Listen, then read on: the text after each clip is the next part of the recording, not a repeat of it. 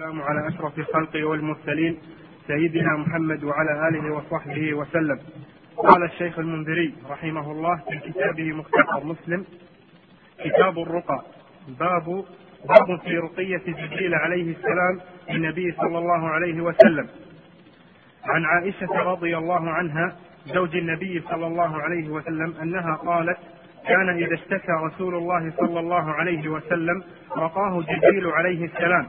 قال بسم الله يبريك يبريك. ومن كل داء يشفيك. ومن شر حاسد إذا حسد. وشر كل ذي عين. عن عبد العزيز بن صهيب عن أبي عن أبي نضرة عن أبي سعيد رضي الله عنه أن جبريل عليه السلام أتى النبي صلى الله عليه وسلم فقال يا محمد إذا اشتكيت يا محمد اشتكيت قال نعم. قال بسم الله بسم الله أرقيك. من كل شيء يؤذيك. من شر كل نفس أو عين أو عين أو عين حاسد الله يشفيك. بسم الله أرقيك. نعم. بسم الله الرحمن الرحيم. الحمد لله رب العالمين. الحمد لله ولي الصالحين. والصلاة والسلام على المبعوث رحمة للعالمين. نبينا محمد وعلى آله أما بعد. في هذا الكتاب كتاب الرقى كتاب الرقى. أي ما يجوز من الرقى وما لا يجوز. وصفة الرقية. وأحكامها المتعلقة بها. أراد الإمام مسلم رحمه الله تبارك وتعالى في هذا الكتاب أن يذكر الأحاديث التي على شرطه والتي تتعلق بالرقية الشرعية. وبيانها وبيان ما يضادها. الرقية مشروعة لإجماع المسلمين وإما أن يرقي الإنسان نفسه وإما أن يرقيه غيره. وتكون رقية غيره له إما بطلب منه وإما بتبرع من الراقي دون طلب, دون طلب. والرقية تنقسم إلى قسمين إلى رقية شرعية ورقية شركية. وسيأتي بيان ذلك إن شاء الله تعالى. لكن على كل الأصل في الرقى أنها مشروعة. بل هي من الأعمال المستحبة أن يرقي الإنسان نفسه أو يرقي غيره. لعموم قول النبي صلى الله عليه وآله وسلم من استطاع منكم أن ينفع أخاه فليفعل. خاصة إذا كان يرقي غيره. جاء في هذين الحديثين الحديث الأول حديث رقية جبريل للنبي عليه الصلاة والسلام من حديث عائشة أم المؤمنين أم عبد الله رضي الله عنها تقول كان إذا اشتكى رسول الله صلى الله عليه وآله وسلم رقاه جبريل. إذا اشتكى رقاه جبريل. دل هذا على تكرار هذه الرقية. وهذا فيه رد على من يقول إن الرقية مكروهة. وهذا الكلام غير صحيح بل الرقية مباحة. ولكن كره بعض أهل العلم طلب الرقية كرهوا طلب الرقية وليس القبول بها. يعني كره أن يسأل الإنسان غيره أن يرقيه. أما أن يأذن كمن يكون مريضا مثلا ويأتيه شخص ويقرأ عليه دون طلب منه. هذا لا بأس به. وليس الكلام في هذا. وإن وإنما كلامهم في من يأتي إلى الناس ويقول لهم تعال أرقني. يطلب الرقية. يطلب الرقية. هذه هي التي كرهها بعض أهل العلم لكن لم يحرمها أحد. من أهل العلم حسب علمي وإنما كرهها من كرهها بقولهم إنها تنافي كمال التوكل. تنافي كمال التوكل. فقالوا من كمال التوكل أن لا يسأل الإنسان أحدا شيئا وإنما يرقي المسلم نفسه ولا يسأل أحدا أن يرقيه. ولم يتكلموا في رقية غيره له دون طلبه وإنما الذي كرهوه هو طلبه. وكذلك في هذه أيضا قضية رقية غير له نبه أكثرهم إلى أنه ليس مكروها يعني كالحكم الشرعي المكروه ولكن قالوا إنه يعني يكرهه وإنما هو خلاف الأولى. إنما هو خلاف الأولى يعني لا يصل إلى درجة الكراهة الشرعية. ولكنه خلاف الأولى. يعني الأولى أن لا يفعل نفضل له أن لا يفعل ذلك أن لا يسأل غيره شيئا. والذين أباحوا مطلقا سواء كان يرقي أو يرقى بطلب أو يرقى بغير طلب استدلوا بعموم فعل النبي صلى الله عليه وسلم أنه رقى ورقي. صلوات الله وعلم الرقية. صلى الله عليه وسلم. وهو رقى الحسن والحسين ورقى نفسه ورقاه جبريل وعلم الرقية للناس فقالوا كل هذه سواء كان فعله صلوات الله وسلم بنفسه أو فعله لغيره أو فعل جبريل معه كل هذا يدل على إباحة الرقية مطلقة والذين كرهوا أو قالوا إنه خلاف الأولى استدلوا بالحديث المشهور حديث ابن عباس عن النبي صلى الله عليه وسلم في ذكره السبعين ألف من أمته الذين يدخلون الجنة من غير حساب ولا عذاب. ثم دخل بيته صلوات الله وسلامه عليه اختلفوا فيهم. من هؤلاء؟ فقائل هم الذين ولدوا في الإسلام وقائل هم من صحب النبي صلى الله عليه وسلم وقائل غير ذلك. حتى بلغ الخلاف النبي صلى الله عليه وآله وسلم فخرج إليهم وقال هم الذين لا يسترقون ولا يستوون ولا يتطيرون وعلى ربهم يتوكلون. هم الذين لا يسترقون ولا يكتوون ولا يتطيرون وعلى ربهم يتوكلون. فقالوا قوله لا يسترقون لا يسترقون أي لا يطلبون الرقية والسين والتاء للطلب. قالوا أي لا يطلبون الرقية. فمدح النبي صلى الله عليه وآله وسلم من لا يطلب الرقية أنه لا يسترقي. فدل على أن الذي لا يسترقي يدخل في السبعين ألف. بينما الذي يسترقي لا يدخل في السبعين ألف. فإذا كان كذلك كان الذي لا يسترقي خير من الذي يسترقي. ولذلك قلنا إن طلب الرقية وهو الاسترقاء خلاف الأولى. أو إنه مكروه على ما ذكرنا من قول بعضهم. بدليل أو بدلالة هذا الحديث.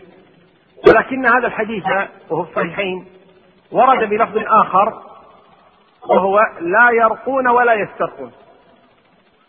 ذكر لا يرقون ولا يسترقون. والظاهر أن هذه الزيادة زيادة لا يرقون شاذة. زادها بعض الرواة خطأ. وإنما هي لا يسترقون دون كلمة لا يرقون. وذهب بعضهم إلى أنه لو قبلت هذه الزيادة فالمراد لا يرقون الرقية الشركية أو الرقية البدعية. وإنما يرقون الرقية الشرعية فقط. على كل الصحيح في هذه المسألة أن المسلم إذا رقى نفسه فهذا جائز مباح وإذا رقى غيره فهذا خير وهو من الفعل الجميل الحسن وهو من الإحسان إلى أخيك المسلم وأنت مأجور عليه. وأما إذا رقاك غيرك دون طلب منك فهذا مباح مطلقا لا شيء فيه وإنما الكلام في طلبك الرقية. أن تذهب لأحد تقول اقرأ علي. أن تذهب أو يأتيك في بيتك تقول اقرأ علي. أن تطلب أنت أحدا أن يقرأ عليك؟ الأظهر والعلم عند الله تبارك وتعالى أن ترك ذلك أولاه الأظهر أن ترك ذلك أولى وأن فعله جائز. فعله جائز لكن تركه أولى خاصة إذا أراد المسلم أن يكون من السبعين ألف. الذين ذكرهم النبي صلى الله عليه وسلم قال لا يسترقون. أي لا يطلبون الرقية من أحد. ذكر شيخنا رحمه الله تعالى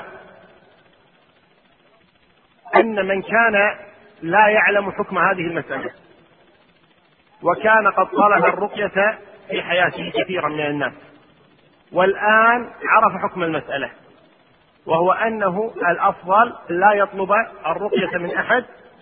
قال رحمه الله تعالى لا ما أبدا أن يكون من السبعين لأنه ما كان يعلم حكم المسألة. فمن التزم بعد علمه بهذه المسألة أنه لا يطلب الرقية من أحد ولا يمنع أن يعطيه أحد. فإمام المتوكلين صلوات الله وسلامه رقية. أعطاه جبريل لكن لم يطلب. صلوات الله وسلامه عليه. كذلك من يعني علم هذه المسألة ثم التزم هذا الأمر وهو أنه لا يطلب الرقية من أحد وإن رقاه أحد لا يرده وهو يرقي الناس ولا مانع من ذلك ويرقي نفسه ولا مانع من ذلك. فهذا يمكن يكون من السبعين ألفا جعلنا الله وإياكم منهم. قوله لجبريل بسم الله يبريك أي يشفيك من البراء وهو الشفاء ومن كل داء يشفيك هذا للتأكيد؟ ومن شر حاسد إذا حسد. الحسد الحسد هو يعني من أول الجرائم التي وقعت على وجه هذه الأرض. من أول الجرائم التي وقعت على بل قال شيخ شيخ الإسلام تيمية كل جريمة على وجه الأرض تدور حول ثلاثة أسباب الحسد والكبر والشح. حرص. الحرص هذه لو نظرت إلى جميع هذه الجرائم التي تكون على وجه الأرض وجدتها ترجع إلى هذه الثلاثة الحسد الكبر الحرص. أما الحسد فهو الذي منع إبليس أن يسجد لآدم. حسده على ما أكرمه الله به. ولما أمره الله بذلك امتنع كبرا فتكبر. وخرج آدم من الجنة بحرصه على الشجرة التي منع منها. لذلك قالوا أصل كل خطيئة على وجه الأرض تعود إلى هذه الأمور الثلاثة. الحسد والكبر والحرص. قال وشر كل ذي عين. كلنا أصحاب عيون لنا عيون. ولكن صاحب العين هنا المقصود العائن. العائن. والعائن هذا هو الذي يحسد الناس ويصيبهم بعينه. يحسد الناس ويصيبهم بعينه وسيأتي الكلام في ذلك إن شاء الله تعالى. ثم في الحديث الثاني حديث أبي سعيد أن جبريل عليه السلام قال للنبي صلى الله عليه وسلم يا محمد اشتكيت أي أنت مريض؟ قال نعم. ولم يقل ارقني. وإنما كما قلنا تفرع بذلك جبريل دون طلب. فقال جبريل بسم الله أرقيك. من كل شيء يؤذيك ومن شر كل نفس أو عين حاسد الله يشفيك. بسم الله أرقيك. كلام واضح بين سهل من جبريل عليه السلام. ولذلك اشترط أهل العلم في الرقية أن تجمع أربعة شروط. يعني لا تصح الرقية أو لا يجوز أن يرقي الإنسان آخر ولا يجوز لك أن تقبل غيرك أن أن يرقاك طيب حتى يجمع أربعة شروط أو حتى تكون أربعة شروط.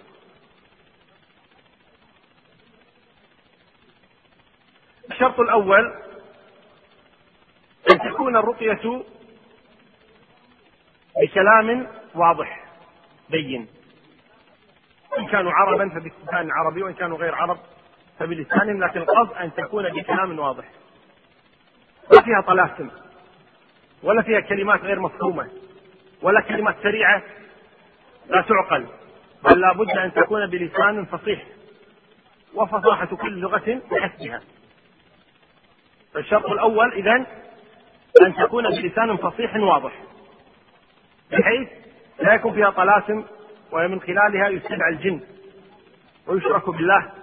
تبارك وتعالى. الشرط الثاني أن يكون الدعاء في هذه الرقية بأسماء الله وصفاته سبحانه وتعالى. أن لا يسأل بغير الله. أن لا يسأل بغيره وإنما السؤال بأسماء الله وصفاته سبحانه وتعالى. الشرط الثالث وهذا شرط معنوي. وهو أن لا يعتقد أن الرقية تفعل بذاتها وإنما هي سبب. والشافي الله سبحانه وتعالى. أن لا يتعلق قلبه بالراقي ولا بالرقية وإنما يتعلق قلبه بالخالق سبحانه وتعالى سبحانه وتعالى. يتعلق قلبه بالله الشافي جل وعلا. يعتقد أن هذه مجرد سبب وأن الشافي هو الله تبارك وتعالى. الشرط الرابع أن لا تكون فيها مخالفات شرعية. لا تكون في الرقية مخالفات شرعية.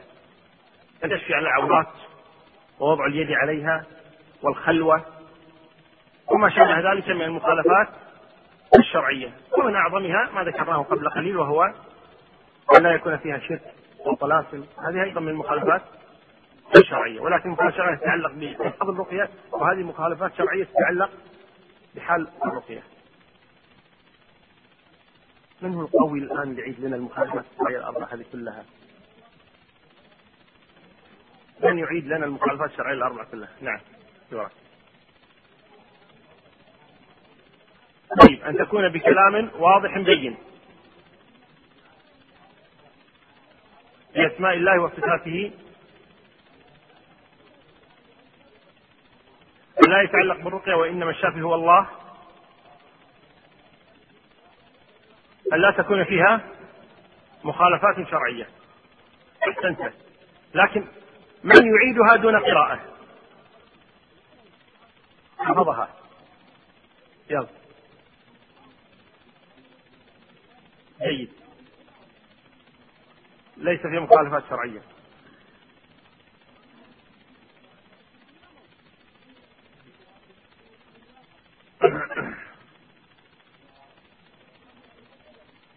زين. إحنا قلنا كم عشر دنانير اللي غلط ولا أكثر؟ كم قلنا إحنا؟ ها. يعني بواحد يفردها سردا يا أبو عبد الرحمن. طيب.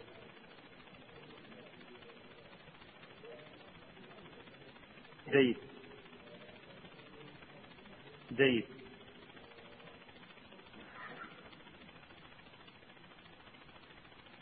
ظهر عوس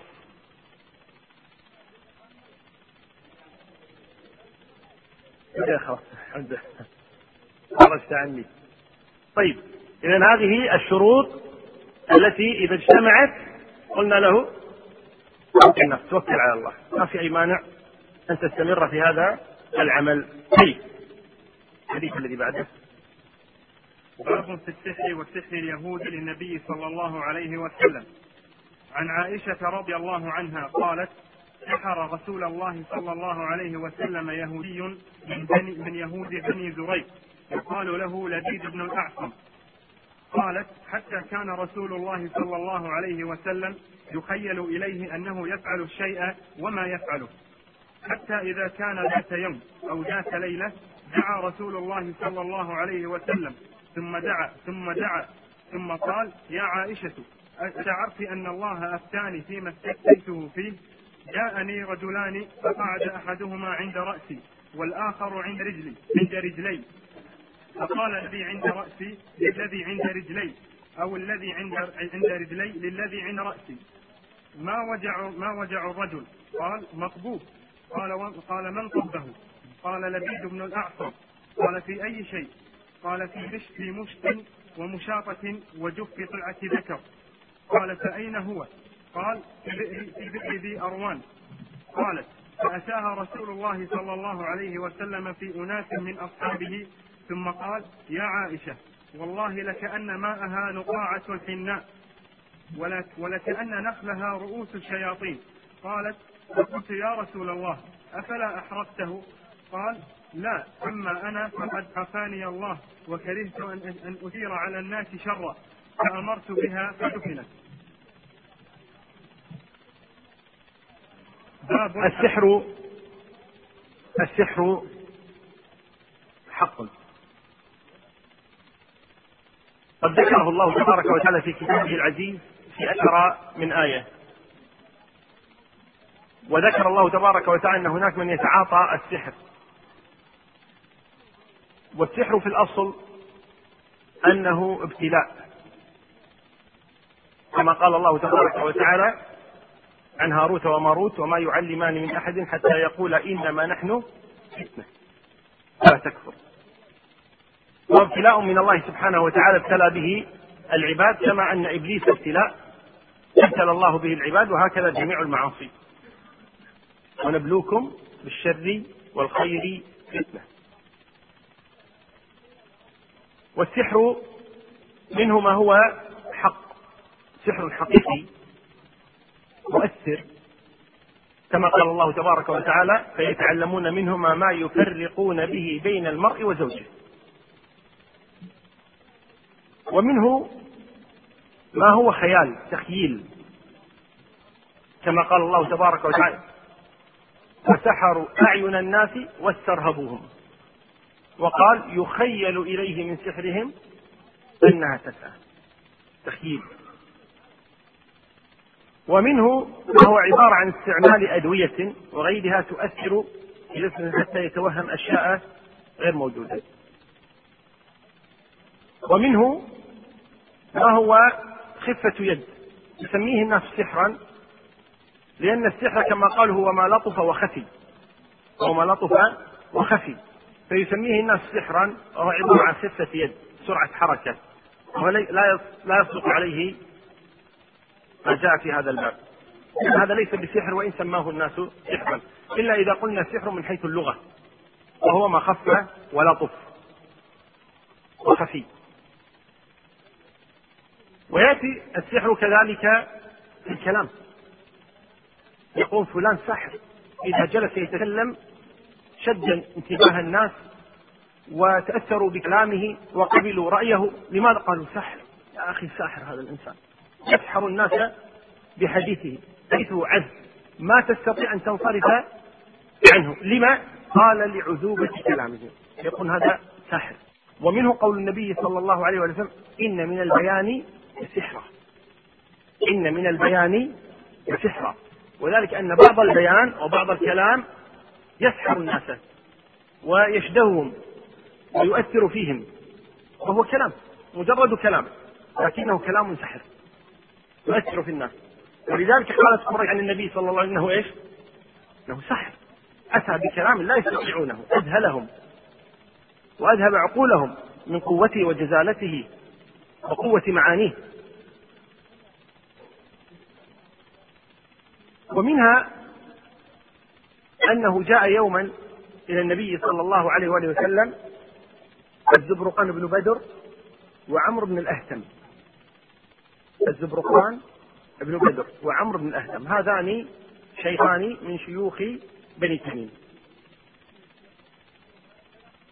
فجاء إلى النبي صلى الله عليه وسلم وجلس عنده. فقال الزبرقان بن بدر يمدح نفسه عند النبي صلى الله عليه وسلم أنا وأنا وأنا وأنا وأنا. ثم قال وهذا يعرف هذا. أشار إلى العمر ليس انه يعرف مكانتي وقدري وخطوتي وجولاتي يعرفها عمرو بن الاهتم يعني يشهد لي بذلك كله. قال عمرو الاهتم نعم يا رسول الله. إنه لشديد العارضة. مانع لجانبه. مطاع في أدنيه. شديد العارضة يعني بالكلام طويل الكلام مانع لجانبه يعني يحمي نفسه يدفع عن نفسه. إذا أحد أراد أن يؤذيه كذا. مطاع في أدنيه يطيعه الأقربون. فمدحه بهذا. وغضب الزبرقان بن بدر مع أنه إيش؟ مدحه إلا أنه إيش؟ غضب فقال يا رسول والله إنه يعرف مني أكثر من ذلك. مو بس هذه صفاتي أنا أكثر. يقول رسول إنه يعرف أكثر من ذلك ولكن يمنعه الحسد. هذا حاسدني. طيب على مكانتي وقدري ومنزلتي. ولذلك ما ذكر إلا هذه الأشياء الثلاثة. والله إنه يعرف أكثر من ذلك يا رسول الله. فقال عمرو بن الهتم نعم يا رسول الله. والله إنه لئيم الخال حديث المال أحمق الوالد مضيع في العشيرة. هذا يقول ليتني سكت ها؟ قال والله يا رسول الله إنه إيش؟ للئيم الخال. حديث المال. أحمق الوالد مضيع في العشيرة. والله يا رسول الله ما كذبت في الأولى ولقد صدقت في الأخرى. قال والله ما كذبت في الأولى. أنا لما مدحته قلت الذي فيه من الخير. ولقد صدقت في الأخرى ولكني بشر. إذا أحببت قلت خير ما أعرف. وإذا أبغضت قلت شر ما أعرف. فتبسم النبي قال إن من البيان لسحرا إن من البيان لسحرا جواب حاضر. أما قوله إنه للئيم الخال أظن واضحا. يذم أخواله. يذم أخوال الرجل. قال حديث المال يعني يتظاهر بالغنى وهذا هو حديث المال ليس غنيا من أصل. لم يسمع كابر عن كابر عندهم. وإنما حديث المال. ما جاءه حديثا. أحمق الوالد يعني لم ليس من نسل طيب. ثم قال مضيع في العشيرة وهناك قال مطاع في أدنيه. يعني كانوا يقول نعم في عائلته يطيعونه بس لكن العشيرة كلها لا ما يردون عليه. هو يطاع في عائلته في صحبه الصغير. لكن عندما تذهب إلى العشيرة لا مضيع. مضيع ما يلتفتون إليه أصلا. ولقد صدقت في الأولى وما كذبت في الأخرى. ولكني امرؤ إذا أحببت قلت خير؟ ما أعرف. وإذا أبغضت قلت شر ما أعرف. وهذا سماه النبي إيش؟ سحرا وهو ليس بسحر الذي نتكلم ليس بالسحر الذي نتكلم عليه ولكنه سحر أي يسحر الناس عندما يسمعونه يؤثر فيهم. نأتي إلى حديثنا تقول عائشة رضي الله عنها سحر رسول الله صلى الله عليه وآله وسلم. سحره يهودي من يهود بني زريق. بنو زريق من الأنصار. ليسوا يهود. ولكن هذا قيل إنه تهود. وقيل إنه منافق لكنه لما كان شأنه دائما مع اليهود نسب إليهم. نسب إلى اليهود من هذا الباب وإلا هو بنو زريق ليسوا من اليهود وإنما هم من أهل المدينة من الأنصار من الخزرج. قال سحر رسول الله صلى الله عليه وسلم يهودي من يهود بني زريق يقال له لبيد ابن الأعظم. حتى كان رسول الله صلى الله عليه وآله وسلم يخيل إليه أنه يفعل الشيء وما يفعله. ذهب أهل السنة إلى أن السحر وقع على النبي صلى الله عليه وآله وسلم. ويرون أن ذلك لا يؤثر أبدا في الدين الذي بلغه. صلوات الله وسلامه عليه. وذلك أن السحر هو مرض من الأمراض. فكما أنه أصابته الحمى صلوات الله وسلامه عليه وشج وجهه وجرحت رجله صلوات الله وسلامه عليه ولازم الفراش أياما. قالوا كذلك السحر. مرض من الأمراض يصيب النبي صلى الله عليه وآله وسلم كما يصيب الناس. ولا أثر له بالتبليغ لأن الله تبارك وتعالى حافظ دينه جل وعلا. فلا يؤثر وإنما هو مرض كسائر الأمراض ولا مانع أبدا أن يصاب به النبي صلى الله عليه وآله وسلم. وقد نص الله تبارك وتعالى أن هذا وقع لموسى. صلى الله عليه وآله صلى الله عليه وسلم عندما قال الله تبارك وتعالى عن موسى يخيل إليه من سحرهم أنها تسعى. حتى موسى صلوات الله وسلامه خيل إليه من سحرهم أنها تسعى. حتى إن موسى صلوات الله وسلامه خاف على الناس أن يتأثروا بهذا الدجل وهذا السحر وهذه الشعبذة فقال الله تبارك وتعالى لا تخف. لا تخف. وألق ما في يمينك تلقف ما صنعوا. إنما صنعوا كيد ساحر ولا يفلح الساحر حيث أتى. فالشاهد أن أهل السنة يؤمنون بوقوع السحر على النبي صلى الله عليه وآله وسلم ويرون أنه مرض من الأمراض وأنه وقع لموسى صلوات الله وسلامه عليه ووقع لمحمد صلى الله عليه وآله وسلم. وأن هذا السحر كما قلنا غير مؤثر على تبليغه. وقد ذكر المازري رحمه الله تعالى أنه لم ينكر هذا الحديث ولم يتكلم فيه إلا أهل البدع. والضلال وأما أهل السنة هم متفقون على قبوله. خاصة وأن الحديث كما تعلمون في الصحيحين اتفقت الأمة على قبوله. وأنه ثابت عن النبي صلى الله عليه وآله وسلم. تقول حتى كان رسول الله صلى الله عليه وآله وسلم يخيل إليه أنه يفعل شيئا وما يفعله.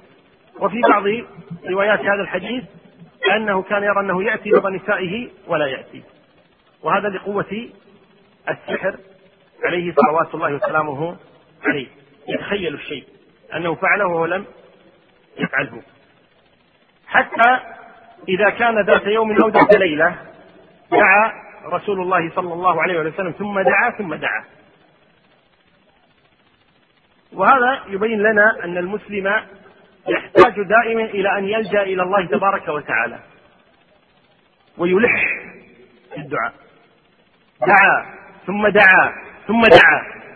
صلوات الله يدعو من؟ يدعو ربه.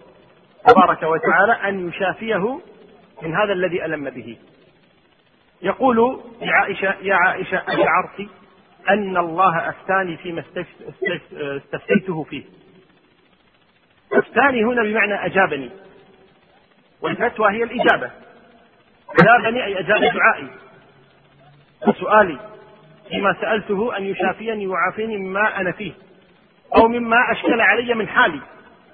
استفتيت فيما أشكل علي من حالي. ما الذي وقع لي؟ لماذا أنسى؟ لماذا كذا؟ فجاءه الخبر من الله تبارك وتعالى. قال النبي صلى الله عليه وسلم جاءني رجلان وهما ملكان. وقيل إنهما جبريل وميكال. جاءني رجلان فقعد أحدهما عند رأسي والآخر عند رجلي. فقال الذي عند رأسي للذي عند رجلي أو الذي عند رجلي للذي عند رأسي. ما وجع الرجل. طبعا هذا الوهم ليس من النبي صلى الله عليه وسلم الذي عند رجال وإنما جاء في الصحيح من البخاري عند الذي عند رجلي الذي عند راسي وإنما الوهم من بعض الرواة الذين رووا هذا الحديث. قال ما وجع الرجل؟ ما له؟ قال مطبوب. مطبوب السحر مطبوب أي مسحور. قال من طبه؟ من الذي سحره؟ طبعا هما يتكلمان بهذا يسمعان النبي صلى الله عليه وسلم وهو نائم. والأنبياء تنام عيونهم ولا تنام قلوبهم. تنام عيونهم ولا تنام قلوبهم. وهو يسمع الذي حوله صلوات الله وسلامه عليه. قال من طبه يسمعان النبي صلى الله عليه وسلم. قال نبيل بن الأعصم. قال في أي شيء؟ يعني في أي شيء طبه سحره بماذا؟ ما الأدوات التي استخدمها للسحر. قال في مشط ومشاطة. المشط معروف هو الذي يسرح به الشعر. والمشاطة ما يتساقط من الشعر داخل المشط. عندما تمشط شعرك خاصة إذا كان شعرك طويلا طيب؟ عندما تمشط يسقط بعض الشعر المشطي هذه هذه الشعيرات التي تسقط الشعرات التي تسقط قال لها مشاطة. قال لها مشاطة التي سقطت بسبب التمشيط. التي سقطت بسبب التمشيط يقال لها المشاطة. فأخذ هو إيش؟ أثرا من النبي صلى الله عليه وسلم هذه الشعرات وأخذ مشط النبي صلى الله عليه وآله وسلم قال في مشط ومشاطة وجب طلعة ذكر. وفي رواية أخرى جفي طلع ذكر. الجف والجب هو آه، ما يؤخذ من النخل من عسيفها. فهذا أخذه ووضع فيه المشط والمشاطة ثم لفهما أو لفها في خرقة ونفث فيها. ونفث فيها. وطلع نخل ذكر أو نخلة ذكر. النخلة إما أن تكون أنثى إما أن تكون ذكرا. هذا أخذ من نخلة الذكر ووضعها. هذا سحره. إذا إذا أخبر النبي صلى الله عليه وآله وسلم عن الذي الذي فيه وهو السحر أنه مسحور. ثم أخبراه بالشخص الذي سحره ثم أخبراه بالطريقة التي سحر بها وأي, وأي شيء أخذ من النبي صلى الله عليه وآله وسلم ثم بعد ذلك كله دلياه مكان السحر فقال فأين هو؟ أين هذا السحر؟ قال في بئر ذي أروان وفي عند البخاري في بئر زروان ويقال أن هذا البئر يطلق عليه الناس هذين الاسمين بعضهم يسميه بئر زروان وبعضهم يسميه ذي أروان والأمر قريب. فالشاهد أنه الآن علم النبي صلى الله عليه وسلم ما استحق الله به سبحانه وتعالى. أرساه الله عن طريق هذين الملكين.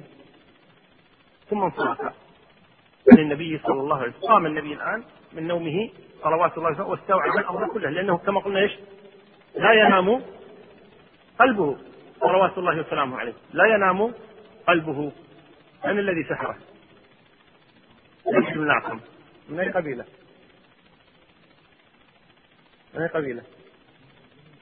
من بني زريق. يهودي؟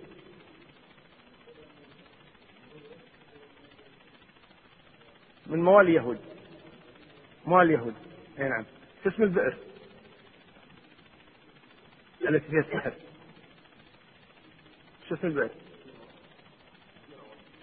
ذي أروان أو ذروان. ذي أروان أو ذروان. نعم. من الملكة؟ نعم وميكائيل. طيب طيب. تقول عائشة رضي الله عنها فأتاها رسول الله صلى الله عليه وسلم في أناس من أصحابه. وفي بعض أنه معه الزبير وطلحة وعلي. وأبو بكر. المهم جاء النبي إلى البئر الآن. تقول عائشة ثم قال يا عائشة والله لكأن ماءها نقاعة نقاعة الحناء. كأن ماءها نقاعة الحناء.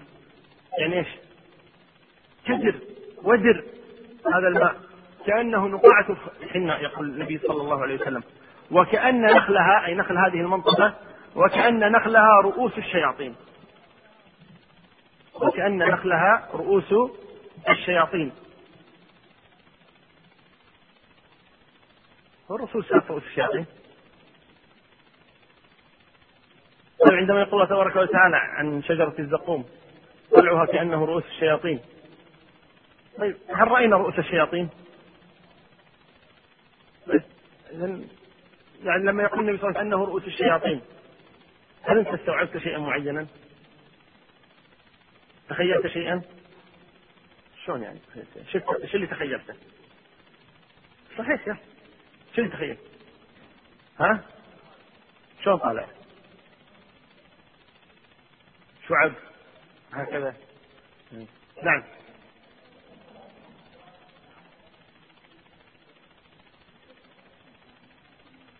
نعم نعم يقول لأن آه تعارف الناس بينهم أنهم خلاص كل شيء جميل ملك وكل شيء قبيح شيطان. هذا مستقر بالفطرة. مستقر مستقر بفطرة الناس. يعني أنت الآن لما تمدح واحد تقول ما شاء الله كأنك شيطان. وأنت تبتسم. زين. يزعل. ها؟ أو يأتيك آخر يقول يا أخي كأنك ملك. تفرح بذلك. مع أنك لا شفت الملك. ولا شفت الشيطان. صح ولا لا؟ وتفرح إذا قيل لك إنك ملك؟ وتحزن إذا قيل لك شيطان.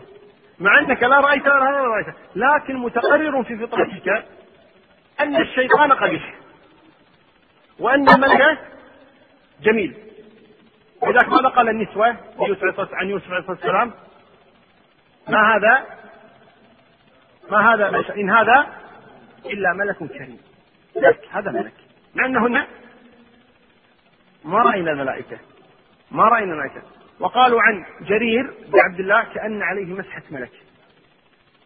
كأن عليه مسحة ملك لجماله. عنه إحنا ما رأينا ملك قرر ولذلك الله تبارك وتعالى عندما ذم شجرة الزقوم قال طلعها كأنه رؤوس الشياطين. بس أن تسمع رؤوس الشياطين تستقبحها. مع أنك ما رأيت الشياطين أصلا. تعرفون قصة الجاحظ؟ الجاحظ يقولون إنه كان يعني سمي الجاحظ لجحوظ عينيه. عيناه جاحظتان يعني سمي الجاحظ. فيقول إنه في يوم من الأيام جاءت امرأة إلى الجاحظ فأمسكت بيديه وأخذته جرته. ما يدري مسكتها مشى معها. وين تاخذه؟ أخذته إلى عند الصائغ صائغ الذهب ثم قالت هذا وذهبت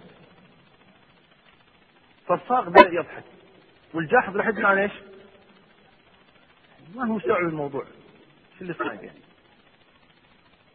فقال ما لك تضحك؟ يقول لي ليش تضحك؟ لماذا تضحك؟ قال وأنت لماذا أتيت؟ يقول أنت لماذا أتيت؟ قال لا أدري أمسكت بيدي وأحضرتني إلى هنا. ما أدري متى كان. هذا الذي تدري؟ قال قال هذه جاءتني قالت أريد أن تصنع لي عقدا وأن يكون وسطه رأس شيطان. فقلت له لم أرى الشيطان. قالت أنا اتيك بالشيطان قال فجاءت بك على هذا. الشاهد اذا اذا متقرر من الفطره أن اقبح شيء هو الشيطان وأجمل شيء هو الملك. أقبح شيء الشيطان وأجمل شيء الملك. فالنبي صلى الله عليه وسلم هنا يقول لهم مع أنهم ما راوا الشياطين يقول لهم نخلها كأن نخلها رؤوس الشياطين. خلاص يفهمون أنها قبيحة. بس هذا المراد. المراد أن يفهموا أنها إيش؟ كانت قبيحة. سيئة. ثم قال صلوات الله وسلامه قال فقلت يا رسول أفلا أحرقته؟ يعني هذا السحر الأصل أن يخرج ويحرق. قال لا أما أنا قد عافاني الله. شوفي ما في مشكلة الان يعني السحر الآن ما صار له إيش؟ ما صار له ولذلك السحر السحر عندما يسحر الإنسان به إما أن يفك هذا السحر وإما أن يذهب مفعوله. إما أن يفك وإما أن يذهب مفعوله. وذهاب مفعوله بالقراءة قراءة القرآن والدعاء وما شابه ذلك من الأمور كما فعل الله تبارك هنا لما أرسل الملكين وفك هذا السحر سبحانه وتعالى. أو يكون أحيانا بالرقية ترقي نفسك أو يرقيك غيرك فيفك. هذا السحر مع أنه ما زال إيش؟ معبودا يفك بهذا وإما أن يكون بفك بحله. لأنه يوجد هذا السحر ويحل ثم يذهب السحر عن الإنسان. فقصده أن النبي صلى الله عليه وسلم يقول عشر خلاص شوفي أنا عفيت منه.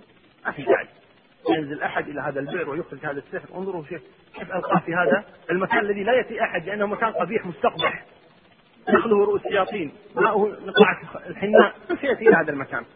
لذلك يحرص هؤلاء السحرة والمشعوذون قبحهم الله إلى دفن السحر أحيانا في المقبرة وفي الأماكن التي لا يأتيها أحد حتى لا يتوصل إلى هذا السحر. ولا جدا ان يتوصل إلى السحر. ولذلك في الغالب يفك السحر السحر بالقراءة والدعاء وما شابه ذلك. وقليل جدا ما يفك السحر بأن يجده. لأن أحيانا قد يوضع هذا السحر في البيت أحيانا في أماكن معينة ثم يوجد. لكن على كل أن ذهاب السحر إما أن يكون بالقراءة والدعاء وإما أن يكون بلقيا هذا السحر ففكه وإزالته. هناك طريقة أخرى أبو عبد الرحمن؟ طريقة أخرى لفك السحر؟ غير هاتين؟ عبد الرحمن بن خبير يقرأ على الناس جزاه الله خير. نعم. أي نعم. يكون في المعدة؟ يعني شيء مأكول يحرق. أي نعم. طيب. قال النبي أما أنا فقد عافاني الله وكرهت أن أثير على الناس شرا. يعني بعد ذلك يتشتت الناس إنهم سحر واحد يشك في نفسه. الآن أي انسان الآن أي إنسان يصيب أي شيء بسيط قال حشتني عين. ولا لا؟ لو يطيح حشتني عين، لو يرسب ما درس حشتني عين، لو كذا حشتني عين، يبدأ الناس يتشككون في كل شيء إنه عين، إنه سحر، إنه كذا، إنه كذا، وهذا يفتح للناس بابا فتركه النبي صلى الله عليه وآله وسلم ثم أمرت أمرت بها فدفنت. أي هذه البئر. دفنت هذه البئر أمر بها النبي صلى الله عليه وآله وسلم. وهذا كان بعد الحديبية. هذا السحر للنبي صلى الله عليه وآله وسلم. ذكر أهل العلم أنه كان في السنة السابعة بعد صلح الحديبية. فعل اليهود بالنبي صلى الله عليه وسلم ذلك أو موالي اليهود كما قلنا وهو هذا الرجل من بني زريق. طيب نقف هنا. والله أعلى وأعلم. وصلى الله وسلم وبارك على نبينا محمد. تسجيلات وإيلات الإسلامية. الحمد لله رب العالمين والصلاة والسلام على نبينا محمد وعلى آله وصحبه أجمعين. أما بعد يقول الإمام المنذري رحمه الله تعالى في مختصره لصحيح مسلم باب القراءة على المريض بالمعوذات والنفس.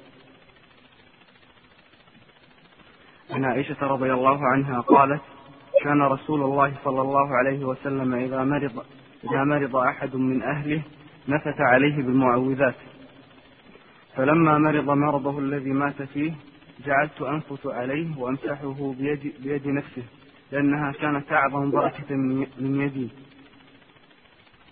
باب الرقية, بسم الله والتعويذ. عن عثمان بن أبي العاص الثقفي رضي الله عنه أنه شكا إلى إلى رسول الله صلى الله عليه وسلم وجعا يجد يجده في جسده منذ أسلم. فقال له رسول الله صلى الله عليه وسلم ضع يدك على الذي تألم, تألم من جسدك. وقل بسم الله ثلاثا وقل سبع مرات أعوذ بالله وقدرته من شر ما أجد وأحاذر. بسم الله الرحمن الرحيم. الحمد لله رب العالمين. الحمد لله ولي الصالحين. والصلاة والسلام على المبعوث رحمة للعالمين. نبينا محمد وعلى آله أما بعد. هذا الباب فيه القراءة على المريض بالمعوذات والنفس. القرآن الكريم جعله الله تبارك وتعالى شفاء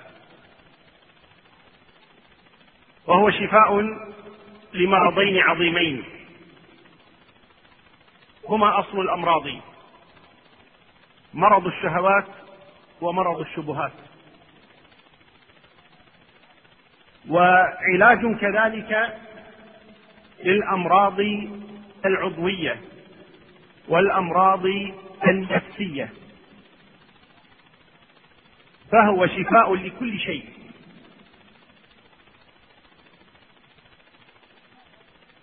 وقد جاء ذلك في كتاب الله تبارك وتعالى حيث ذكر الله تبارك وتعالى القرآن الكريم وصفه بأنه شفاء للمؤمنين شفاء ورحمة للمؤمنين.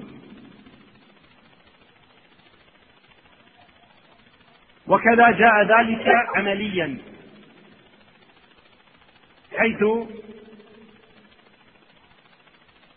مارس النبي صلى الله عليه وآله وسلم ذلك بنفسه ومارس ذلك أصحابه ومارسه بعدهم الناس فوجدوا ذلك مؤثرا جدا. ألا وهو أن يشفى الناس بالقرآن الكريم. أما شفاء الشبهات والشهوات فهذا واضح جدا وليس هذا موضوع حديثنا. وإنما الكلام هنا على الأمراض العضوية حيث إنه يرقى به المريض. يرقى بالقرآن الكريم.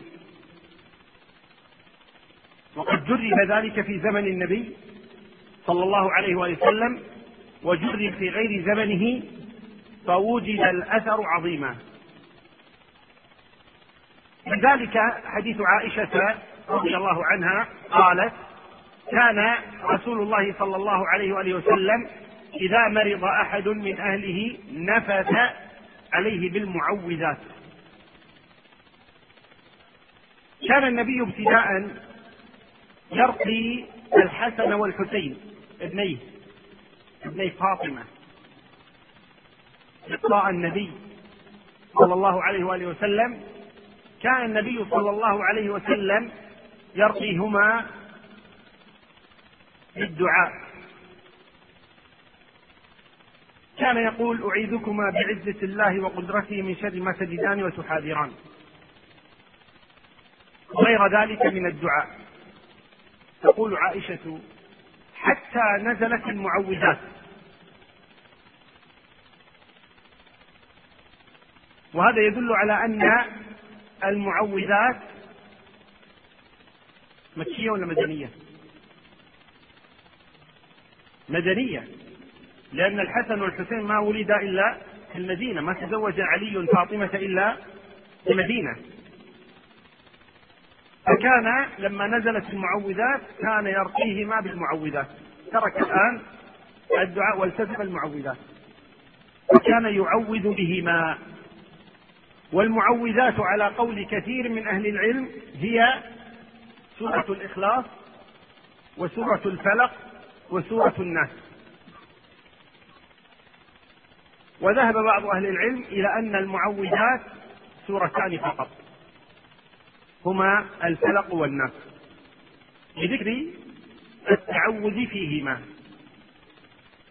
وعلى كل قراءة الإخلاص مع الفلق والناس خير.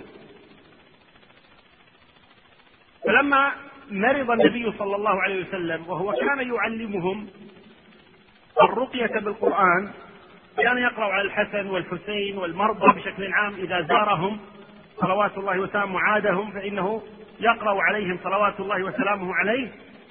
علم المسلمون فضل هاتين السورتين أو هذه السور الثلاث. فلما وقع المرض للنبي صلى الله عليه وآله وسلم تقول عائشة جعلت أنفث عليه وأمسح بيد نفسه. يعني تقرأ المعوذات على النبي صلى الله عليه وآله وسلم وتنفث والنفث هو نفخ مع دلل يسير. النفخ يقولون هواء والتفل ماء والنفث هواء رطب النفث هواء فيه رطوبة يسيرة هذا النفث. فتقول فتقول عائشة رضي الله عنها كنت أقرأ عليه المعوذات وأمسح عليه بيد نفسه. صلوات الله وسلامه عليه. يعني تمسك يد النبي صلى الله عليه وسلم وتمرها على جسده. ما تمر يدها على جسد النبي على ما يألم. صلوات الله وسلامه. وإنما تمر يده. لما يا عائشة؟ قالت بأن يده أعظم بركة. صلوات الله وسلامه. لأنه مبارك. كل شيء فيه بركة. بل عرقه بركة. شعره بركة كله بركة. صلوات الله وسلامه عليه. فتقول عائشة رضي الله عنها فأمسح على جسده بيد نفسه. أمسح جسد النبي صلى الله عليه وآله وسلم بيد نفسه. هكذا كانت تصنع مع النبي صلوات الله وسلامه عليه. وفي حديث عثمان بن أبي العاص الثقفي أنه شكا إلى رسول الله صلى الله عليه وسلم وجعا يجده في جسده. وجع ألم عضوي. فقال له النبي صلى الله عليه وسلم ضع يدك على ما تألم من جسدك. إذا الرقية تصلح دون وضع اليد وتصلح مع وضع اليد. أين يضع اليد؟ على مكان الألم. يضع اليد على مكان الألم. وقل بسم الله ثلاثا. ثم أعوذ بالله وقدرته من شر ما أجد وأحاذر. أعوذ بالله وقدرته من شر ما أجد وأحاذر. يضع يده على مكان الألم. طيب إذا قرأت على شخص ضع يدك على مكان الألم. إذا قرأت على امرأة قالوا انتبه. ما علاقتك بهذه المرأة؟ أم زوجة أخت بنت أخ من محارمك أو من غير محارمك؟ قال لا من محارمك على مكان الألم. شرط لا يكون عورة خاصة إذا لم تكن زوجة. لأن الزوجة ليس لها عورة مع زوجها. أما غير الزوجة إذا كانت من المحارم فضع يدك على مكان الألم بشرط أن لا يكون مكان عورة أو يخدش حياءها. فإذا لم تكن من محارمك فلا تضع يدك عليها. تقرأ عليها دون وضع اليد وانفث. تقرأ دون وضع اليد وانفث. خشية أن لأن وضع اليد وإن كان مستحبا ولكن هذا المستحب إذا خشي معه الوقوع في حرام أو لمس عورة فإنه يمتنع هنا. ونقصد بلمس عورة أن المرأة كلها عورة إذا كان الرجل أجنبيا عنها. فلا يجوز للرجل أن يضع يده على المرأة حال القراءة عليها وإنما يقرأ عليها دون وضع اليد. وقد يضطر إلى ذلك إذا كان يعني الألم شديدا ولم ينفع إلا بوضع اليد مثلا. أفتى بعض أهل العلم أنه يجوز بشروط أن هذا جائز بشروط. منها أولا أن تؤمن الفتنة ما تكون هناك خلوة بينه وبينها يعني أمام الناس. الأمر الثاني أن يكون الرجل القارئ معروفا بالصلاح والتقوى. أن يكون الرجل معروفا بالصلاح الثالث أنهم رأوا أنه لا يمكن العلاج إلا بهذه الطريقة. يعني جربوا دون وضع اليد فلم يفلح الأمر. رابعا أنه لا يضع يده على أماكن العفة. لا يضع يده على أماكن العفة للمرأة ولا يمس جسدها مباشرة. وإنما يكون مع حائل مع حائل. وإلا الأصل أن الرجل لا يجوز له أن يضع يده على جسد امرأة أجنبية عنه. وضع يدك على الذي يألم أو تألم من جسدك. وقل هذا الدعاء. تشفى على طول مباشرة. طيب قد يقول قائل وقع لي مثل هذا ولم أشفى ولم أعافى عثمان يقول فذهب الذي أجد. ذهب أبدا تماما. لما؟ لأنه صادف صدقا وقبولا في قلبه ويقينا وتصديقا لقول النبي صلى الله عليه وآله وسلم. ولذلك قالوا السيف لا يقتل بحده وإنما بحده وحامله. بحده وحامله. وكذلك هذه الرقى لا تنفع بنفسها فقط لأنها تنفع بإذن الله لكن أقصد أيضا لابد أن ينظر من القارئ. من القارئ؟ من الذي يقرأ؟ الذي يقرأ يقرأ وهو يعتقد أنها تنفع بإذن الله تبارك وتعالى وأنه يشفى بهذا القرآن الكريم أو لا يعتقد ذلك. بعض الناس قد يقرأ فقط تبركا أو يقرأ لأن الناس قالوا له اقرأ. أما إذا اعتقد أنها سبب أنها يمكن أن يشافي الله تبارك وتعالى بها وهذا قطعا سيشافيه الله تبارك وتعالى أو يكون لحكمة أرادها الله جل وعلا. فعلى كل الأصل أن الرقية إذا جاءت على ما أمر الله تبارك وتعالى وما شرع فإنها تنفع صاحبها. نعم. قال رحمه الله باب التعوذ من شيطان الوسوسة في الصلاة. عن أبي العلاء أن عثمان بن أبي العاص أتى النبي صلى الله عليه وسلم فقال يا رسول الله إن الشيطان قد حال بيني وبين الصلاة وقراءتي يلبسها علي. فقال رسول الله صلى الله عليه وسلم ذاك شيطان يقال له خنزب فإذا أحسسه فتعوذ بالله منه وادخل على يسارك ثلاثة. قال ففعلت ذلك فأذهبه الله عني. باب رقية اللذيذ في طيب. الآن مشكلتنا مع خنزب هذا.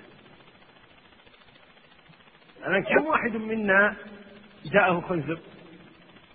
أو يأتيه خنزب هذا في الصلاة؟ هو ليس شيطان واحد. شياطين كثر. شياطين كثر. يأتون للناس في صلاتهم. ويلبسون عليهم صلاتهم كما جاء في الحديث عن النبي صلى الله عليه وسلم إذا أذن المؤذن قر الشيطان وله ضراط يعني لا يريد أن يسمع الأذان. فإذا انتهى المؤذن رجع فإذا أقيمت الصلاة خرج وله ضراط فإذا انتهى من الإقامة رجع حتى يدخل الإنسان في صلاته فلا يدري كم صلى. أذكر كذا أذكر كذا أذكر كذا حتى لا يدري كم صلى. من هذا؟ هذا خنزب لعنه الله وعاذنا الله وإياكم من شره. فيأتي ويلبس على الناس في صلاتهم. اشتكى عثمان بن أبي العاص إلى النبي صلى الله عليه وسلم وجعا فأرشده النبي إلى الدعاء فدعا فاستجاب الله له. بعد ذلك اشتكى للنبي صلى الله عليه وسلم شكوى أخرى. غير الوجع الذي كان يألم منه الآن وجع آخر ولكنه وجع حسي وجع معنوي. ألا وهو تلبيس الشيطان يعني حتى آلم ذلك نفسه لأنه يصلي ويلبس عليه الشيطان صلاته. فاشتكى إلى النبي صلى الله عليه وآله وسلم ذلك أنه يلبس عليه الشيطان قراءته وصلاته.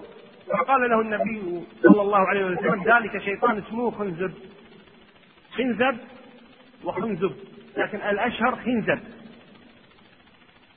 هذا الشيطان يقول إذا أحسسته يقول النبي صلى الله عليه وسلم فتعوذ بالله منه.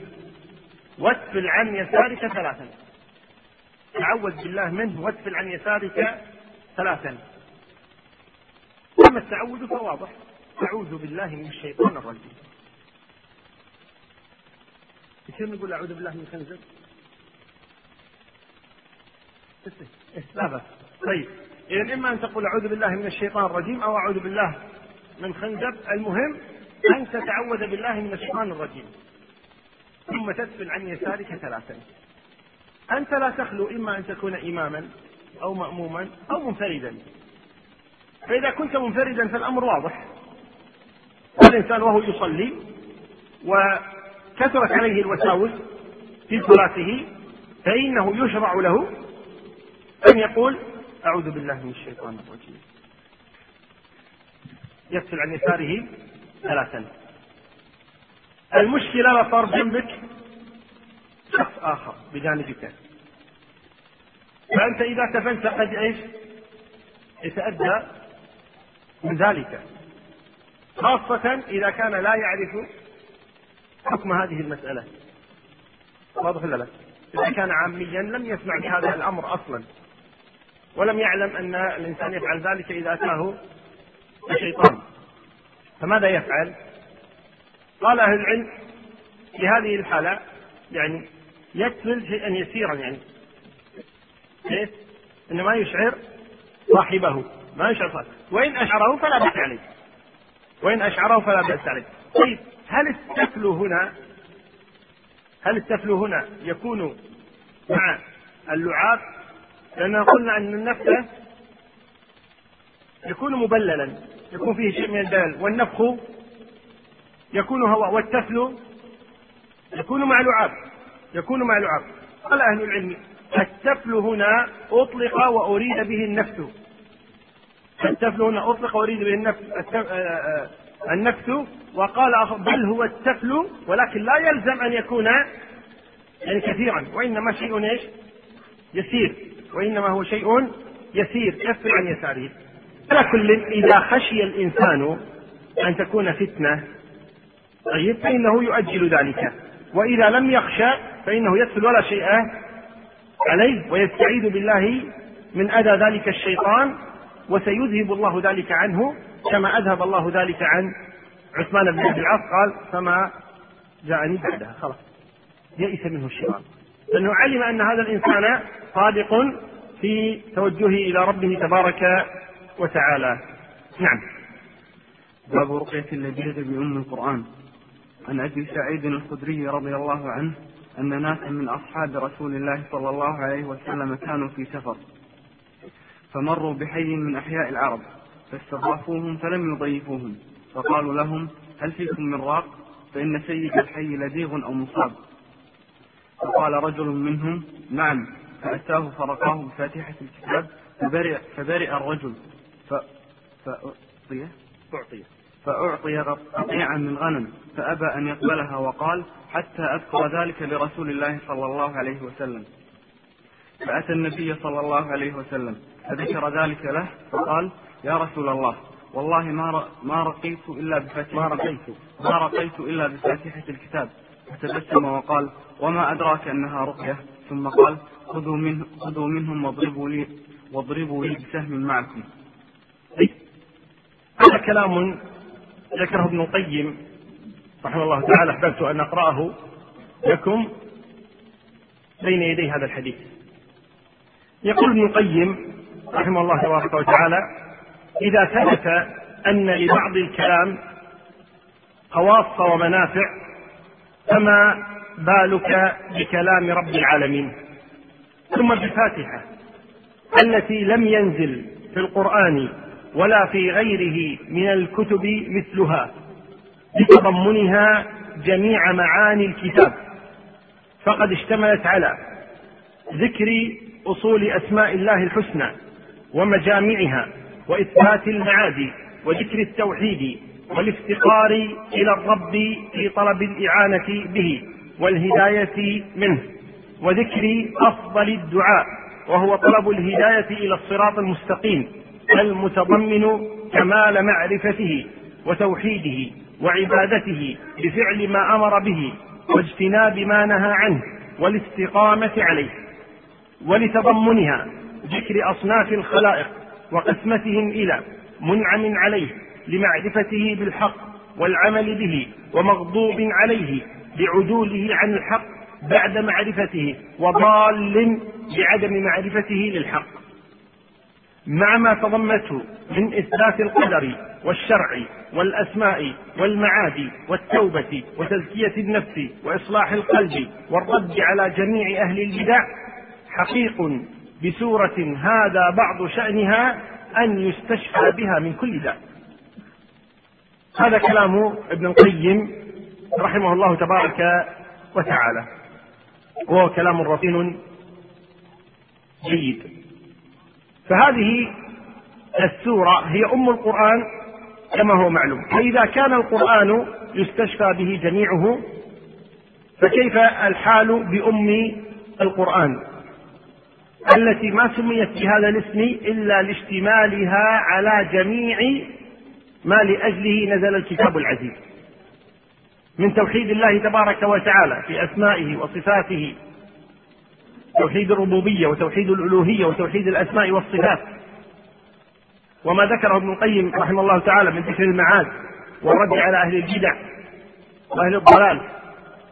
حتى إن من أراد أن يعرف قيمة هذه السورة وعظمتها يرجع إلى أهل العلم الذين تكلموا في تفسير هذه السورة حتى إنه يعني وضعت كتب كثيرة في تفسيرها. بل إن ابن القيم رحمه الله تعالى ذكر في كتابه مدارج السالكين بين منازل إياك نعبد وإياك نستعين ذكر أمورا عظيمة جدا يرى أن أن هذه الأمور كلها تنتظم تحت قول الله تبارك وتعالى إياك نعبد وإياك نستعين. وهي لب هذه السورة. فهي أم القرآن وأم هذه السورة إياك نعبد وإياك نستعين. القصد إذن أن هذه السورة سورة عظيمة بل هي أعظم سورة في كتاب الله جل وعلا. أبو سعيد الخدري رضي الله عنه يقول إن ناسا من أصحاب رسول الله كانوا في سفر فمروا بحي من أحياء العرب فاستضافوهم فلم يضيفوهم ولم تكن عادة عند العرب أن يفعلوا ذلك. ولكن وقع هذا الأمر. والضيافة حق واجب ليس كرما ولا فضلا وإنما هو حق واجب. حتى إنه قال أهل العلم إذا لم يضيفك وأخذت منه بالقوة فليس له أن يحاسبك ولا أن يشتكي عليك إلى هذه الدرجة. لأن الضيافة حق واجب عليه. الضيافة حق واجب. وقالوا هذا يكون في القرى دون المدن. وذلك أنه في القرى لا يجد مكانا آخر. أما في المدن فقد يجد أماكن أخرى. والضيافة يوم وليلة. هذا واجب. ليس لك فيه منة ولا فضل. يوم وليلة. وجائزة الضيف ثلاثة أيام بلياليها. هذا فضل منك. وتكرم. وهذه السنة وهذا هو الأفضل. أن تكرمه ثلاثة أيام بلياليها.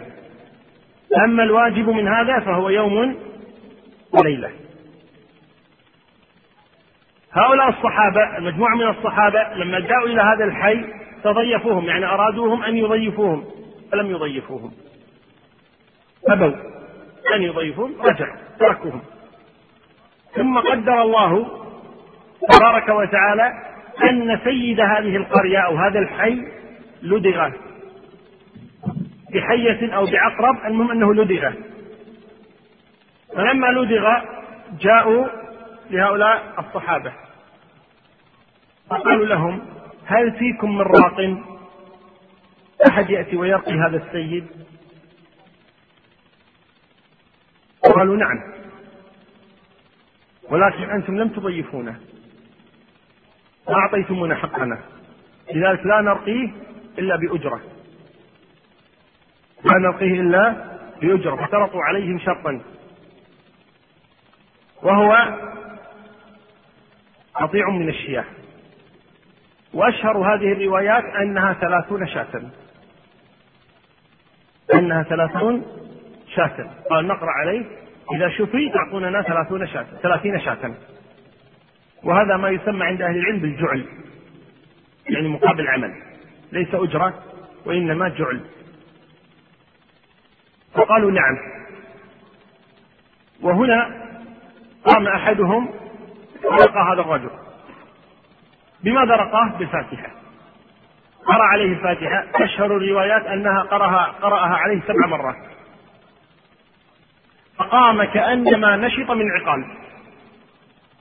يعني كأنه كان مقيدا ثم فكت إيش؟ قيوده قام ما في شيء. يعني اللي ما يثق فيه يقول إيش؟ كذب ما في شيء. فقام كأنما نشط من عقال. ما كأنه لدغ. عندها قالوا يلا شوفوا في قالوا شوف اعطونا 30 شاة تفضل. هذه 30 شاة فأخذوا الثلاثين شاة. فلما أخذوها تأثموا. قالوا كيف؟ لأن هذه الثلاثين شاة مقابل ماذا؟ مقابل قراءة القرآن. هل يجوز أن نتأكل بالقرآن؟ أن نأخذ أموالا على قراءة القرآن؟ هل يجوز هذا أو لا يجوز؟ فتأثموا في هذا الأمر. قالوا طبعا الحل موجود. الرسول صلى الله عليه وسلم بين أيديهم صلوات الله وسلامه عليه. نرجع إلى النبي. ما تصرفوا فيها؟ أخذوها لكن ما تصرفوا فيها حتى أتوا النبي صلى الله عليه وآله وسلم. وذكروا له ما حصل. فقال النبي لقارئهم وما يدريك أنها رقية؟ يعني كيف عرفت أنها رقية؟ كيف عرفت أنها رقية؟ وهذا السؤال سؤال استحسان من النبي صلى الله عليه وسلم وإقرار له. أي هي رقية؟ ولكن كيف عرفته؟ هي رقية ولكن كيف عرفت هذا؟ وهذا الثناء من النبي صلى الله عليه وسلم. كمثل ثنائه على أبي بن كعب لما قال له أي آية من كتاب الله معك أعظم قال الله لا إله إلا هو الحي القيوم. وكذلك هنا لفهم الصحابة رضي الله عنهم ولفهم هذا الصحابي رضي الله عنه أنه علم أن هذه السورة أعظم سورة في كتاب الله وأنها تنفع. بعد الله تبارك وتعالى في قراءة هنا وقرأ بها فشفي الرجل. فقال له النبي صلى الله عليه وسلم وما يدريك أنها رقية؟ كيف علمت أنها رقية؟ ثم طيب النبي صلى الله عليه وسلم خاطرهم وقال اضربوا لي بسهم. لأنه قد يظن ظان النبي قال لهم هذا عندما قال لهم يعني خذوها أنه يعني من باب إنه خلاص راحت شربت مروقها ما فيها خلاص أخذوها لكم لكن مرة لا تعودونها قال اضربوا لي بسهم حتى يطيبها لهم صلوات الله وسلامه وإلا هو لا يأخذ لنفسه يأخذ ويعطيها الفقراء صلوات الله وسلامه عليه. وأدل دليل على ذلك أنه قال صلوات الله وسلامه من مات وترك مالا فلورثته ومن مات فعليه دين فعلي وإلي. صلوات الله وسلامه. فهو معطي لا يأخذ شيئا من الناس. وإنما أخذ منهم ليطيبها لهم ولتطمئن نفوسهم كما فعل مع أصحاب حوت العنبر. لما جاعوا ولم يجدوا شيئا يأكلونه سعد بن أبي وقاص وأصحابه حتى إنهم أكلوا الخطة ورق الشجر. حتى إن أحدهم يقول والله إني كنت يعني إذا تبرزت يكون خروجي كخروج بعير يابس ناشف أبدا ما يأكلون ما أكلوا شيئا. تصور يأكل ورق الشجر. عند ذلك أرسل الله إليهم حوت العنبر. وجدوا حوتا قد قذفه البحر إلى الأرض. ما يستطيع أن فقط سقط هناك ومات. لا اليال فلما رأوه فرحوا به وبدأوا يأكلون منه أكلوا من هذا الحوت. وكان حوتا عظيما حتى إنه من عظمه أنهم قالوا وضعوا عظما من هذا الحوت عظم الضلع وضعوا هذا العظم والعظم الثاني هكذا على شكل قوس ثم جاء أطول واحد فيهم على أطول بعير ومشى تحت ما حاش رأسه من عظمه. الشاهد فلما رجعوا النبي صلى الله عليه وسلم تشككوا. قال خاف ميتة هذه بعد. إنها قذفها البحر. قالوا هذه ميتة. فلما رجعوا إلى النبي وأخبروه قال عندكم شيء من اللحم؟ أعطوني أكل معكم. وهذا إيش؟ لتطيب قلوبهم. لتطيب قلوبهم. يعني يقول له النبي لا بأس لا بأس أنكم كانوا في حاجة وضرورة وكذا. قد يفهم الفاهم. الإنسان هذا الشيء أن أنتم كنتم في ضرورة ولا بأس. فقد يفهم أحد أن إيش؟ إذا الأمر لم يكن ضرورة أنه إيش؟ لا يجوز الأكل منه. قال لا أعطوني من منه. عندكم؟ قالوا نعم. قال اعطوني وأكل أمامه صلوات وهو ليس في ضرورة. وإنما فعل هذا ليطيب وهذا نوع من التربية. ونوع من التعليم. هذه لا ينسوها ابدا. حتى لو نسوا هذا قال هو كأنه قال لنا لا بأس. لا قال لا. قال لا بأس. إذا وصلت لكن يقول أكل النبي. تثبت أو ما تثبت؟ تثبت أكثر. وكذلك هنا تثبت أكثر قال اضربوا لي الكم بقي هنا أن نعرف تواضع أصحاب النبي صلى الله عليه وسلم وحرصهم على عدم الشهرة. روى هذا الحديث أبو سعيد الخدري رضي الله عنه. وقال فقام أحد منا فرقاه وكذا الراقي هو أبو سعيد رضي الله عنه كما جاء في طرق أخرى فقام إليه أبو سعيد فرقاه ولكن لتواضعه رضي الله عنه وعدم حب الشهرة قال قام رجل منا وقال خرج جماعة من أصحاب النبي ولم يقل أنا كنت معهم رضي الله عنه وأرضاه وهذا من هضم النفس. وهذا من هضم النفس. وإلا الواحد منا الآن أنا, أنا اللي قرأت عليه وشافاه الله وحده بوحده. عرفت؟ يعني يريد مدح نفسه والثناء عليها أمام الناس. والإنسان حقيقة المطلوب منه أن يري الله الخير منه. كما قال سعد بن معاذ لئن أدركت رجل أخرى ليرين الله مني زين شيئا طيبا. كما قال رضي الله عنه. أو ليس سعد بن معاذ؟ من قائل؟ أنس بن النضر أحسنت نظر القصد إذا هنا هذا من هضم النفس من حق في حق أبي سعيد الخدري رضي الله عنه وأرضاه. نعم. باب الرقية من كل ذي حمى. عن الأسود قال سألت عائشة رضي الله عنها عن الرقية فقالت رخص رسول الله صلى الله عليه وسلم لأهل بيت من الأنصار في الرقية من كل ذي حمى. باب في الرقية من النملة.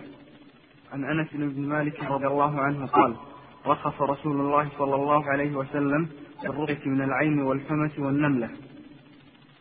باب في الرقية من العقرب عن جابر رضي الله عنه قال نهى رسول الله صلى الله عليه وسلم عن الرقى فجاء آل عمرو بن حزم إلى رسول الله صلى الله عليه وسلم فقالوا يا رسول الله إنها كانت عندنا رقية نرقي بها من العقرب وإنك نهيت عن الرقى. قال فعرضوها عليه. قال ما أرى بأسا من استطاع ما أرى بأسا من استطاع منكم أن ينفع أخاه فلينفعه. عن أبي هريرة رضي الله عنه أنه قال جاء رجل إلى النبي صلى الله عليه وسلم فقال يا رسول الله ما لقيت من عقرب لدغتني, لدغتني البارحة. قال أما لو قلت حين أمسيت أعوذ, بكلم أعوذ بكلمات الله التامات من شر ما خلق لن تضرك نعم. الرقية إما أن تكون بكلام الله وهو القرآن الكريم وإما أن تكون بالدعاء بالدعاء. سواء كان هذا الدعاء نص عليه النبي صلى الله عليه وآله وسلم بحيث يكون النبي رقى بهذه أو علمها صلوات الله أو لم يرقي بها ولم يعلمها طالما أنها دعاء حسن لا بأس بذلك. وإن كان الأفضل لا شك أنه يأخذ ما في كتاب الله وما في سنة النبي صلى الله عليه وسلم ولكن الأمر في هذا واسع إن شاء الله في حق الرقى. والرقى الأصل فيها أنها مشروعة. الأصل فيها أنها مشروعة بشروط. الرقى الأصل فيها أنها مشروعة بشروط. أن تكون بلسان عربي أو لسان فصيح يفهمه الناس. أن تكون بكلام الله بأسماء يعني الدعاء يكون بأسماء الله وصفاته سبحانه وتعالى. يعني لا يكون فيها شرك. ألا تكون يعني بطلاسم لا تفهم وأن لا يعتقد نفعها في نفسها. لا يعتقد أنها تنفع بنفسها وإنما هي سبب. ولكن جاء في الحديث أن النبي صلى الله عليه وآله وسلم قال إن الرقى والتمائم والتولة شرك. إن الرقى والتمائم والتولة شرك. وجاء أيضا في حديث آخر حديث أبي هريرة نهى النبي عن الرقى. نهى عن الرقى. طيب. ثم نرى أن النبي رقى صلوات الله وسلامه عليه. وأذن بها. وقال من استطاع منكم أن ينفع أخاه فليفعل. فكيف الجمع بين هذا وهذا؟ قال أهل العلم.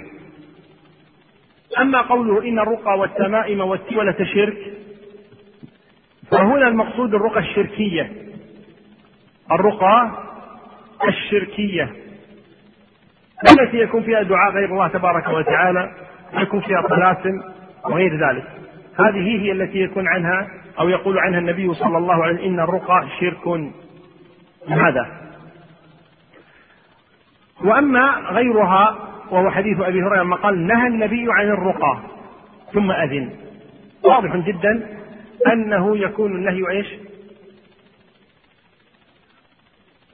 منسوخا لأنه نهى ثم أذن. نهى ثم أذن فيكون إذا النهي منسوخا بإذنه. صلوات الله وسلامه عليه. أو يحمل النهي على أي رقى الشركية. أن يكون النهي محمول على الرقى الشركية. أو على من اعتقد أنها تنفع بذاتها. طيب. هنا في حديث عائشة أن النبي صلى الله عليه وسلم رخص لأهل بيت من الأنصار في الرقية من كل ذي حمى. حمى يعني السم. الحمى هو السم. يعني الرقى من السم. سواء كان هذا السم من عقرب أو من حية أو من ضفدع أو من ورل أو من غيرها. طالما أنه سم الرقية تنفع معه. تنفع مع السم. جيد. وفي الحديث الآخر أن النبي رخص في الرقية من العين. والحمى والنملة. إذا أضاف شيئا أو شيئين آخرين. ذكر الحمى والحمى ذكرت في الحديث السابق. وهنا ذكر العين. العين هي عين الحسود. عين الحسود. تنفع معها الرقية. والنملة هي مرض يصيب الإنسان في جنبه. مرض قروح تخرج في الجنب. يسمونها النملة. يسمونها النملة. وليس المقصود هي النملة الحشرة المعروفة وإنما النملة هي قروح تصيب جنب الإنسان. فهذه يرقى منها يرقى من هذه الجروح والقروح وحديث جابر أن النبي نهى عن الرقية صلوات الله وسلامه عليه فجاءه أناس فقالوا عندنا رقية يا رسول الله نستخدمها. فقال النبي صلى الله عليه وسلم عرضوها علي. خل أشوف رقية ماذا تقولون فيها؟ ولذلك هؤلاء الذين يرقون الناس لابد أن نعلم ماذا يقولون، أما إذا كان يتمتم بكلمات لا نعلمها فعلينا أن نكون حذرين من هؤلاء حقيقة. لأنه يلتبس أمر الساحر مع أمر الراقي. خاصة وأن الساحر يظهر الصلاح ويظهر أنه يقرأ القرآن ويظهر أنه يقول كلاما طيبا ولكن يتمتم بكلمات أنت لا تفهمها أو لا تسمعها. فهنا لابد أن تتثبت ماذا يقول؟ ماذا قلت؟ أسمعني أريد أن أسمع. فإذا أتى بكلام هو عبارة عن طلاسم وأسماء غريبة أول مرة تسمعها من أسماء الجن فهذا سحر مشعوذ دجال. وإذا رفع صوته فإذا هو قرآن وذكر ودعاء فهذا هو الذي يعني رقيته مشروعة. فلا بد أن نتنبه إلى ما يقول. ولذلك النبي صلى الله عليه وسلم قال له نحن نرقي بعضنا. قال اعرضوا علي. ماذا تقولون؟ قال نقول كيف وكيف وكيف قال لا بأس. من استطاع منكم أن ينفع أخاه فلينفعه فليفعل. فأذن النبي صلى الله عليه وآله وسلم في هذه الرقى وفي حديث أبي هريرة أن رجلا اشتكى إلى النبي صلى الله عليه وسلم من عقب لدغته وقال صلوات الله وسلامه لو قلت حين أمسيت أعوذ بكلمات الله التامات من شر ما خلق لم تضرك سبحان الله هذه الكلمات البسيطة أعوذ بكلمات الله التامات من شر ما خلق. قلها في صباحك قلها في مساك يحفظك الله سبحانه وتعالى. وعود أولادك أن يقولوا هذا الدعاء أو هذا الذكر في الصباح وفي المساء. خاصة إذا خرجت إلى البر أو البحر تلزم هذا الدعاء. أعوذ بكلمات الله التامات من شر ما خلق.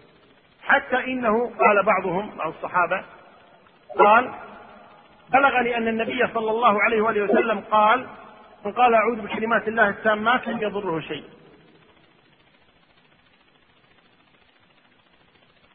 وهذا الذي يتكلم يده مشلولة من لدغة.